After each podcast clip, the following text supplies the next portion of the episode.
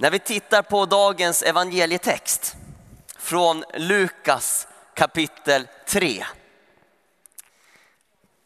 så börjar den ju så här. Visst hängde ni med i läsningen? Vad tycker ni om jag skulle jämföra med den här läsningen? 2019 år efter Kristi födelse. När Stefan Löfven var statsminister. Karl den 16 Gustav, kung i riket. Sven-Erik Österberg, landshövding i Stockholm. Hans Ulvebrand, domprost. Och Ivan Gertz varit direktor emeritus i två år. Fick församlingen Sankta Clara mitt i Stockholms hjärta igen ta emot Guds ord från Mats Nyholm, Bjarnes son. Eftersom han var uppsatt på predikolistan på tredje söndagen i advent. Så börjar ju dagens evangelium. Varför? Jo, en exakt återgivning av tiden. En handfull otvivelaktiga referenspunkter för att visa att det här var på riktigt. Det var inte en bild, det var inte en tolkning, det var inte en vision. Det var historisk fakta som hände på den här platsen vid den här tiden. Lika verkligt som att du och jag är här idag. Och det är härligt att forskningen har kommit så långt, även bibelforskningen. Så att det finns inga seriösa forskare i dagens läge som menar att Jesus aldrig existerat. Det finns många röster om vem Jesus är. Men det finns inga seriösa forskare som inte hävdar att Jesus existerat. Tänk vad mycket mer spännande det är att ägna livet åt att lära känna Jesus. Istället för att ständigt fastna vid frågan om hans existens. Den är redan bekräftad. Främst i skriften och också av nutida forskning. Ägna istället ditt liv åt att lära känna Jesus. Och som alltid när Herren ska ha något gjort då sänder han någon eller några med sitt ord. Också den här gången. Och den här gången var det Johannes. Här ser vi honom. På tavlan av Peter Bruegel från 1566. Johannes är ju avbildad genom kyrkohistorien ofta vid Jesu dop ofta med huvudet på ett fat. För så slutade ju Johannes dagar på jorden. Men inte i himlen. Himlen, där lever Johannes. Men på jorden blev han halshuggen. Och Peter Brygel, när han skulle måla Johannes här, så är det ju knappt att man kan se honom. Visst är det svårt att se var han är? Istället så syns skarorna som kommer till honom för att höra om Jesus. Och jag tror att Johannes skulle gillat den här tavlan. För här blir inte han stor. Johannes bön och önskan var ju att han skulle få bli mindre. Så att Jesus skulle bli större i honom. Och Johannes, han hade ett genom alla tider så bärande budskap, nämligen detta. Vi tar nästa bild. Budet om syndernas förlåtelse genom omvändelse och dop. Har ni hört om det förut? Sankta Clara?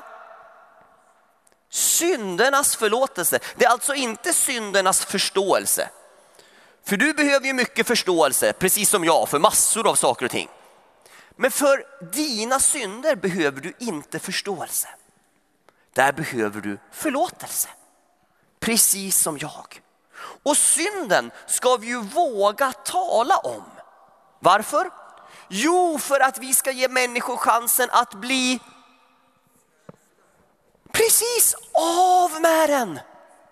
Bort ska den. Göm den inte och låt den växa i smyg i 70 år. Iväg med den. Du är inte skapad för den. Därför ska vi inte fokusera på den, men vi ska säga den så pass ofta så att du ser till att genom Jesus bli av med den. Visst vore det skönt? Ja, mycket. Och detta har ju inte Johannes hittat på själv, utan genom profeten Jesaja. Vi tittar på nästa bild. Genom profeten Jesajas ord skulle detta uppfyllas. Ska vi läsa tillsammans? En röst ropar i öknen. Bana väg för Herren. Gör hans stigar raka. Varje klyfta skall fyllas. Varje berg och höjd skall sänkas. Krokiga stigar skall rätas och steniga vägar jämnas. Och alla människor skall se Guds frälsning. Alltså hur kan detta egentligen vara intressant?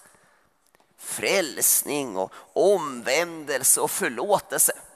Var det inte sånt man pratade om på Johannes tid?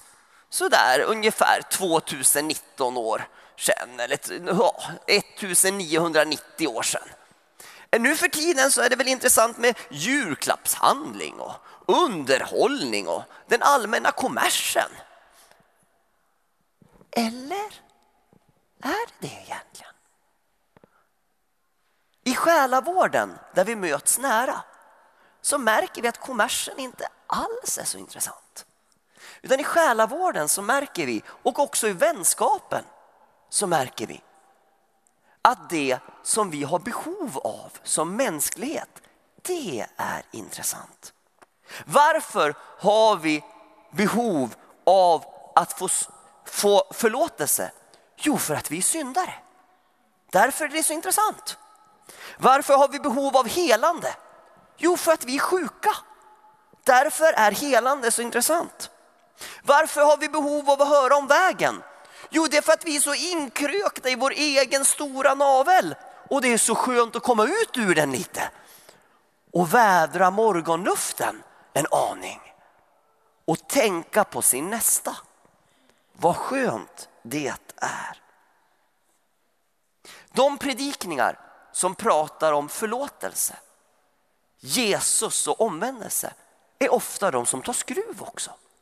Snarare än de underhållande. Är det inte så? Jesus. Jesus. Så predikade också Johannes i en tidlös, ja man kan säga en tidlös tappning bland gräshoppor toppade med vildhonung. Låt oss höra lite vad Johannes predikade.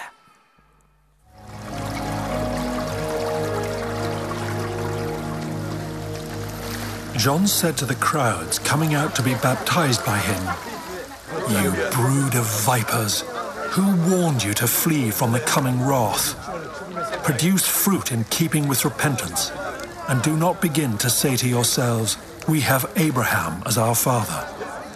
For I tell you that out of these stones God can raise up children for Abraham. The axe is already at the root of the trees, and every tree that does not produce good fruit will be cut down and thrown into the fire.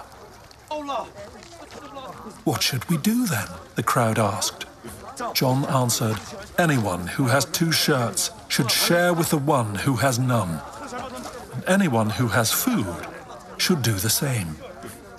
Even tax collectors came to be baptized. Teacher, they asked, what should we do? Don't collect any more than you are required to, he told them. Then some soldiers asked him, And what should we do? He replied, Don't extort money and don't accuse people falsely. Be content with your pay. People were waiting expectantly and were all wondering in their hearts if John might possibly be the Messiah. Huggormsyngel börja predikan med. Tycker ni det vore vänligt om vi la in det i liturgin på söndagar? God morgon huggormsyngel, varmt välkomna till Sankta Clara kyrka. Trevligt. Det är viktigt att vara vänlig, men det är också viktigt som profet att få oss människor att få ändan ur vagnen. Huggormsyngel, börjar Johannes. Och kom inte med ursäkterna, fortsätter han, med att ni har Abraham till er far. Det är inte för att Johannes är emot Abraham. Men han menar ju att, att ha rätt pappa är inte frälsande. Det är inte det livsavgörande. Det avgörande för din frälsning det är att ha din pappa i himlen. Det räcker inte med att ha Abraham till sin far på jorden. Och då börjar ju nöden komma bland folket. Det börjar tränga sig på den goda frågan, vad ska vi då göra? inte det en bra fråga? Man hör ett budskap och så undrar man, vad ska vi göra? Det undrade ju 3000 människor på pingstdagen också, när Guds ande kom. Vad ska vi göra? Och Johannes han har bra svar. Han säger den som har skjortor ska dela med sig åt den som ingen har. Har du gjort det någon gång? Ja, det är så kul! Det är så kul! Camilla, min fru, brukar säga till mig, Mats ta ur de där skjortorna i garderoben nu och ge dem till någon så du får lite roligt och så inte jag får så trångt i garderoben. Ja, just det, säger jag. Jag fick faktiskt praktisera det, var det förra söndagen? Förra eller förrförra? Förra söndagen var det. Då fick jag besök av vår prästkandidat här, Mattias Nordström. Och han ska prästvigas i Storkyrkan den 19 januari. Eh, och eh, när han ska göra det då ska han ha på sig en sån här prästdräkt som jag brukar ha på första advent och påskdagen som kallas kaftan. En lång rock med en elva så här som prosten Henrik har i barfotaropet tror jag i filmen ikväll. Och så hade han ingen kaftan Mattias och ska snart eh, eh prästvigas och den kostar massor med pengar såna här dyra liturgiska kläder. I varje fall. Då kom vi på att hemma när jag fick min kaftan mot löfte att jag skulle ha den ibland för tio år sedan eller någonting. Då fick ju jag två skjortor. Och jag fick två elvor. Och när jag grävde i garderoben, jag sa, jag fattar inte det här Camilla, men Gud har pluppat ner ett par byxor till också. Jag trodde jag hade ett par byxor till kaftanen, men två par låg i garderoben. Så jag gick till Mattias och sa, här har du ett par byxor, han var precis samma storlek som mig. Här är en skjorta, här är en elva och rocken får vi dela tillsammans. Och vad kul det var! Vad kul det var att dela med sig till någon som inte hade en skjorta som man skulle ha. Och den som har bröd. Om du har en Skogaholm och om du har en pågen hemma. Vad kul det är att komma hit till matutdelningen 9.30 varje dag, varje vardag med en Poga, Pogaholms eller Skågens. Vidare, även tullindrivarna, ja nästan alla kom ju. Det blev ju nästan som med Jesus. Att nästan alla kom och frågade vad ska vi göra? Och Johannes här, han har ju de logiska svaren. Han har inga långa teologiska svårfattade akademiska utläggningar. Utan han säger ju det som vi var och en kan göra. Det är ju det som är en sån glädje i livet, att inte bara höra utan att också göra. Någon har sagt att det sista vi behöver i kyrkan är ett bibelstudium till. Och det är på ett sätt sant, men på ett sätt stämmer det inte alls. Men om man bara får kunskap och inte gör, då blir det liksom fyllt på ena pelaren i människan och man får inte ut det. Man måste liksom både få byggas upp i kunskap och i gärning. Och när de hade fått den här kunskapen så fick de det enkla de skulle göra, att inte driva in mer än vad som var fastställt. Och även soldaterna kom och frågade. Ja, pressa inte ut utan var nöjd med er såld. Vår tid predikar inte så mycket förnöjsamhet Utan snarare i reklamen att du behöver mer, mer, mer, mer, mer, mer, mer och fler, fler, fler, fler, fler, fler, fler. Medan din Herre Jesus Kristus predikar, ge oss idag det bröd vi behöver. Och Johannes avslutar så här när han säger om Messias. Och evangelisten skriver att folket var fyllt av förväntan. Vi vet ibland kan man ta på förväntan i luften. Nästan som man är i en tryckkammare eller något. Man kan ta på förväntan i luften. Och alla frågade sig om inte Johannes kunde vara Messias. För det är ju så din framtid kan bli. Att din framtid kan bli med Jesus. Vet du vad? Han är din framtid. Han är ditt hopp. Han är vägen du får gå. Men jag förtjänar det inte säger du.